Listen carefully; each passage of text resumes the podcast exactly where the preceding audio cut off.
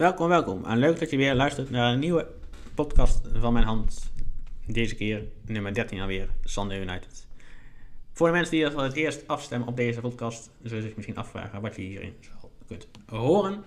Nou, in deze podcast bespreek ik met jullie al het voetbalnieuws wat er langskomt. Je kunt het niet bedenken. Van wedstrijdanalyses, verslagen, spelers, nieuwtjes, uh, spellen, boeken.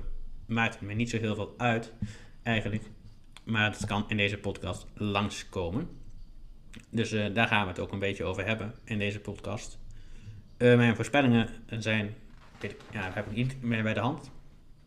Dus daar kan ik deze podcast niet op terugkomen. Waar we het wel over gaan hebben is de speelronde begin oktober. Van 5 tot en met 7 oktober in de Eredivisie. Keukenkampioenschap divisie. Alsmede de Nation League in het land van Oranje. Ja, het belangrijkste nieuws is denk ik toch wel dat Nederland heeft gewonnen van Duitsland. Waar ik toch echt niet van uit was gegaan dat ze dat zouden gaan doen. En vooral niet dat er meer op, maar daar zo meteen meer over. Gaan we eerst eens even kijken naar de Eredivisie. Wat daar is gebeurd in dit weekend. Speelronde 8 van 5 tot en met 7 oktober. In deze speelronde won PSV ruim van de VVV. Ze blijven ook bovenaan staan, ongeslagen met 24 punten uit 8 wedstrijden. Ook een historische start van de Eindhovenaren onder Van Bommel. En ze spelen ook goed. Ajax won ook ruim zijn duels. Of uh, zijn duels, zijn tegen AZ, laat maar zeggen, met 5-0. Maar AZ had misschien ook wel een off-day. Want iedereen zag er gewoon door het ijs en dat zeiden de spelers ook allemaal. Maar ik denk dat er één belangrijk punt is dat AZ niet echt een leider heeft. Aangezien de aanvoerder Guus Stil dit seizoen ook pas net komt kijken in het eerste van AZ. Dus ja, ik vind dat niet echt een goede keuze. En misschien hadden ze toch uh, ja, een aanvaren speler moeten aantrekken. Of hopen dat uh, Marco Vinovic de kar gaat trekken. Die komt terug van een blessure volgens mij. Dus misschien dat de hoop daarop gevestigd moet zijn. Want ja, er staat wel een ervaren speler in Ron Vlaar, maar die heeft zijn tijd ook wel een beetje gehad. Dus ja. Dus ja, Amsterdam speelde niet goed. Maar wonnen wel ruim met 5-0. Dus uh, ze blijven tweede staan het spoor van PSV. Maar het gat blijft nog steeds 5 punten. En verder opmerking dit weekend waren de grote zegens ja, niet echt van Heerenveen tegen de Graafschap. De Graafschap zat onderaan. Maar ja, voor rust was het al 0, 0 tegen 4. Dus dat uh, door twee doelpunten van Lammers en twee doelpunten van Flap. En daarna kwamen er niet meer doelpunten tegen de teamman van de Graafschap. Want een van de spelers kreeg ook een rode kaart. Vitesse won ruim van Heracles met 4-0. Had ik ook niet zien aankomen. Ik dacht dat het wordt gelijkspel of Heracles wint die wedstrijd wel in Arnhem omdat ze het daarvoor heel erg goed deden in de competitie. Verder opmerking is het gelijkspel. Nou, Feyenoord speelt sowieso niet echt goed tot nu toe. En hebben het lastig. Speelde gelijk tegen Willem 2 met 1-1. Ondanks uh, ja, een goede doelman in ieder geval. Die staat ook in het elftal van de week. Meneer uh, Weiden Reuter. Dus dat is uh, ook goed.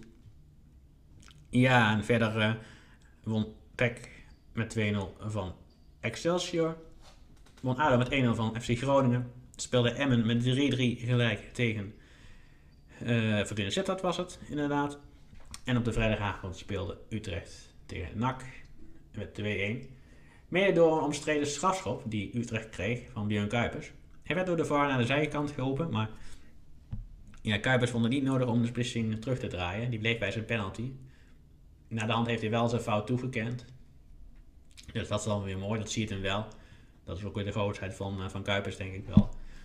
Dat hij wel heeft gezegd van het was eigenlijk geen strafschop. En dat roept gelijk de discussie weer op van, ja, moet er dan een vaste vak komen bij de scheidsrechter? Moet hij echt deel uitmaken van een team Kuipers of een team Nijhuis, laat maar zeggen. Dat het niet beter is, zodat dit soort fouten ook ja, voorkomen kunnen worden in de toekomst. Dat is goed. Dat de kinderziektes gewoon uit de VAR gaan. Kijk, het is pas nieuw, dus er kan al heel veel verbeterd worden er gaat waarschijnlijk ook een hoop mis tot nu toe.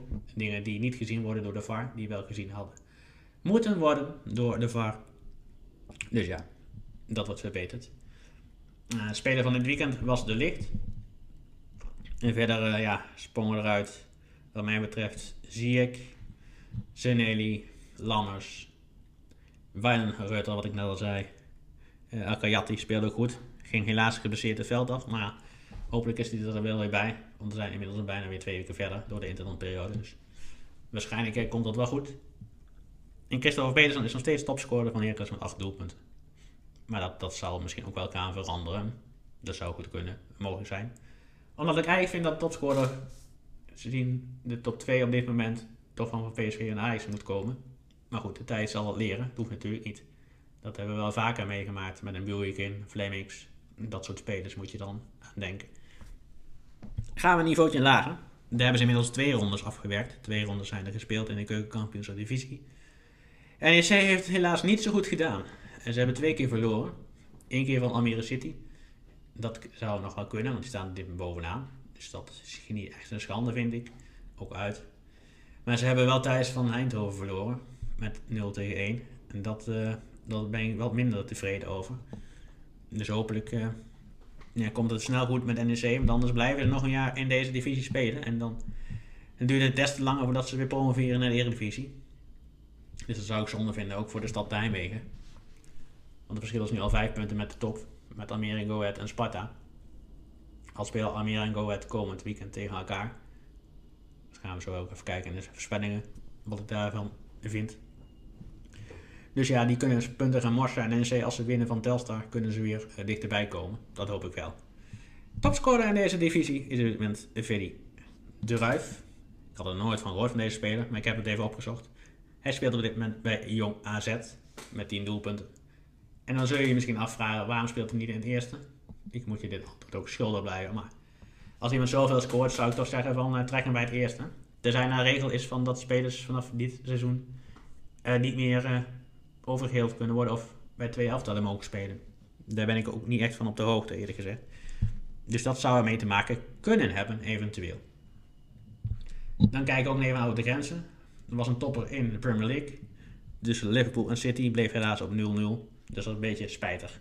Voor deze topwedstrijd vind ik eigenlijk wel. Of was het 1-1? Ik weet niet meer precies. Oh nee, het was 1-1. Het was 1-1 volgens mij. Of 0-0. Ja, in ieder geval gelijkspel. Maakt verder ook niet uit.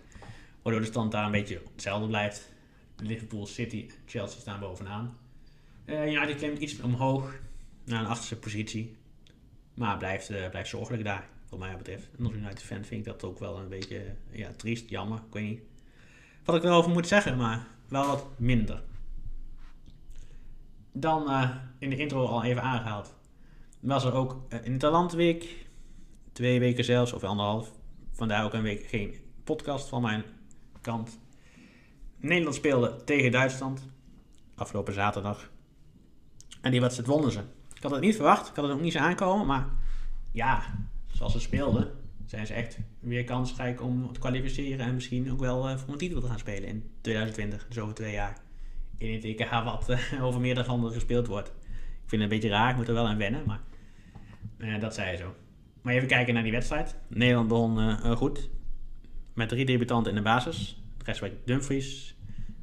Of waren er twee? Nee, het er twee. Bergwijn. Want de Jong was al gedebuteerd tegen Peru. Dus het was geen debutant echt in de basis. Maar wel niet echt lang in het Nederlands elftal spelend. Zeker niet als basis spelen. En hij speelde alsof hij daar altijd al, al had gespeeld in het Nederlands elftal. Het was eigenlijk niet normaal zoals die Duitsers om speelden. De Duitsers kregen wel wat kansen in het begin en de helft.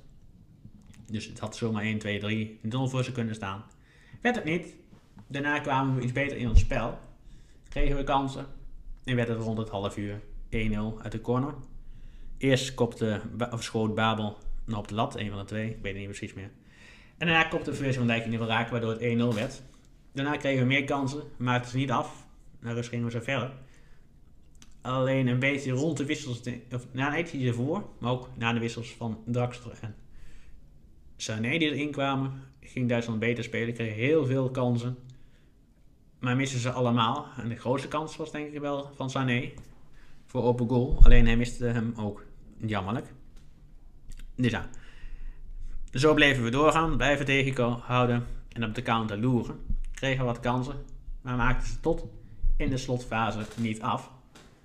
Waardoor het heel lang 1-0 blijft. En dat, uh, dat is altijd een penibele tussenstand. Zeker als je tegen de Duitsers speelt. Maar goed, die statistiek lijkt niet te kloppen. Want de Nederlanders uh, schijnen in de laatste minuten meer wedstrijden te beslissen dan de Duitsers. Dus dat, uh, dat statistiek kan ook weer naar het land der fabelen. Maar in de slotfase maakten we de 2-0 door de Paai en de 3-0 door Wijnaldum. Dus we wonnen die wedstrijd ruim en ook terecht. Alleen hadden we het wel wat eerder moeten afmaken. Dat had gewoon moeten. Als je gewoon realistisch bent en kijkt. Nou, wie waren goed deze wedstrijd? Ik zei het al eerder, Frenkie de Jong. Memphis Depay. Uh, Van Dijk misschien ook wel. Ja, slecht was echt Matthijs Ligt. Sorry, Matthijs de Ligt. Die speelde echt slecht. Maar hoop fouten. Die iedere keer gelukkig goed af, maar vooral in de eerste helft ging het gewoon niet goed. En, uh, als de Duitsers echt scherp waren geweest, waren het misschien uh, goals geworden. Maar gelukkig is dat ons verspaard gebleven. En Nederland speelde ook nog tegen België later. Maar dat was een versnappelijke wedstrijd. Dus dan wisten ze ook heel veel. Dat vind ik een belangrijke wedstrijd. Die werd 1-1, dus wel goed. Door de debutante Arnold Groeneveld. Even een Nigeriaanse naam, maar die kan ik even niet uitspreken. Of die, ja, sowieso moeilijk om uit te spreken. Dus die, uh, die hou ik nog voor me te goed. Dat is voor een volgende keer misschien dat ik hem wel kan uitspreken. Maar een belangrijke wedstrijd die avond was de wedstrijd tussen Frankrijk en Duitsland. In de groep van Nederland en de League. Groep 1 is dat. En die, die wedstrijd begon ja, redelijk goed. Duitsland kreeg met mazzel een penalty. Want de bal, ja, de vraag is of het hands was. Want de bal kwam op de oksel van de speler. Ja, de vraag die je dan moet stellen van hoe ver loopt de arm door. Dat blijft dan een lastige vraag die je moet stellen. Uh, ja, dus ja, die werd wel binnengeschoten. Ook gelukkig hoor, door Kroos.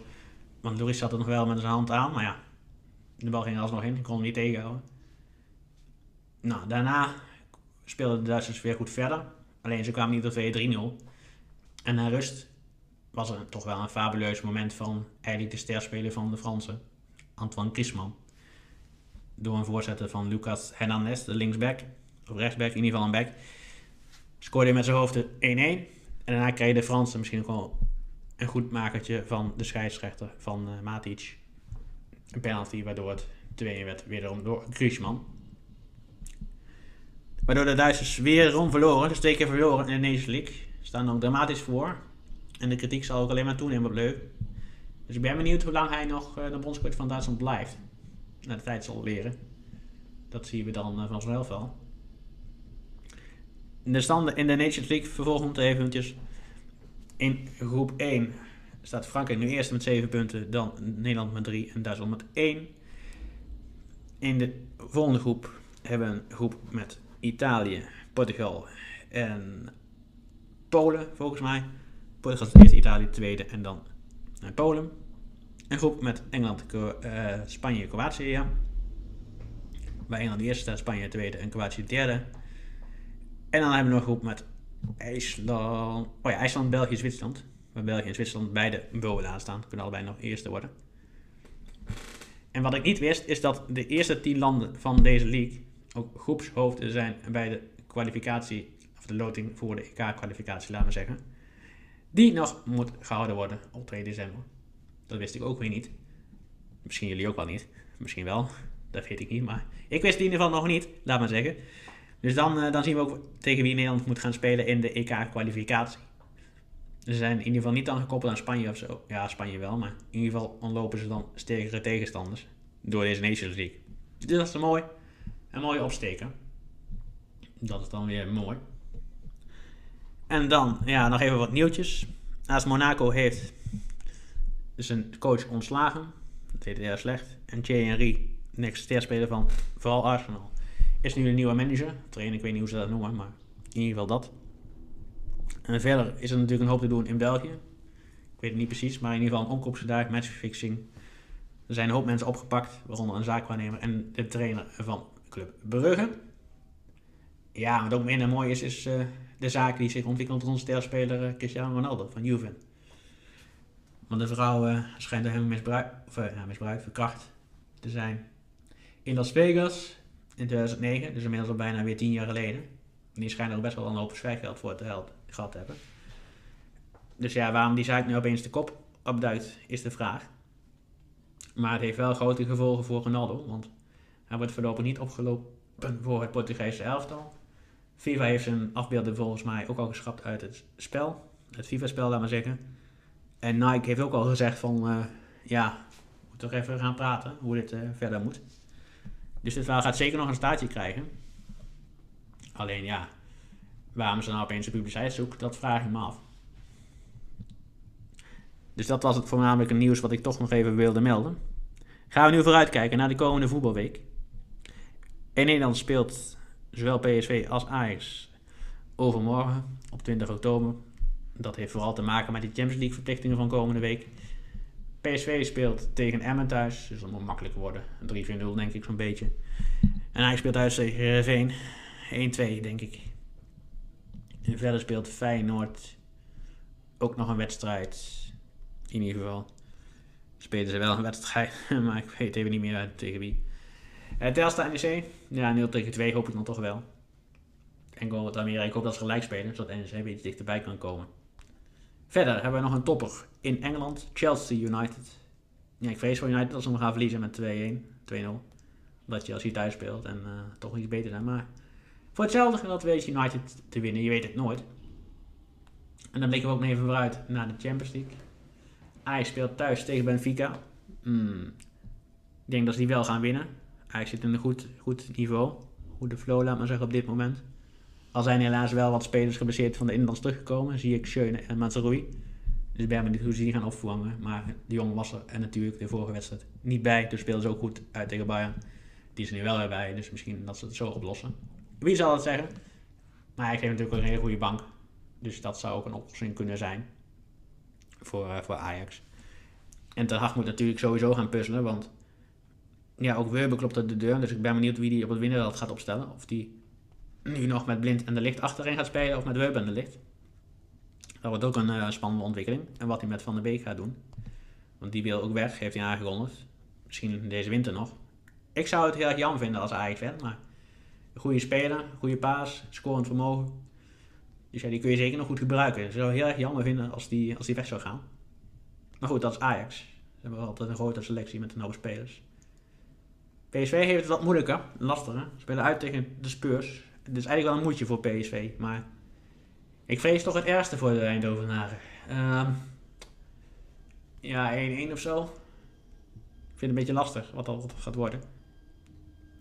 Dus ja, dat zijn een beetje voorspellingen voor de komende week. Wat het uh, Nederlands voetbal betreft.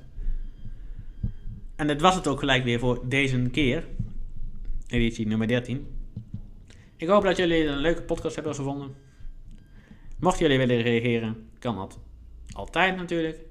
Op hashtag Valmeren, apenstaatje Valmeren, MWRN. Of via alle andere kanalen. Deze podcast luisteren op Google Podcast, Stitcher, Spotify. Nog steeds niet op iTunes, maar daar wordt aan gewerkt. Nou, een hoop fun with the matches this week. En tot de volgende keer.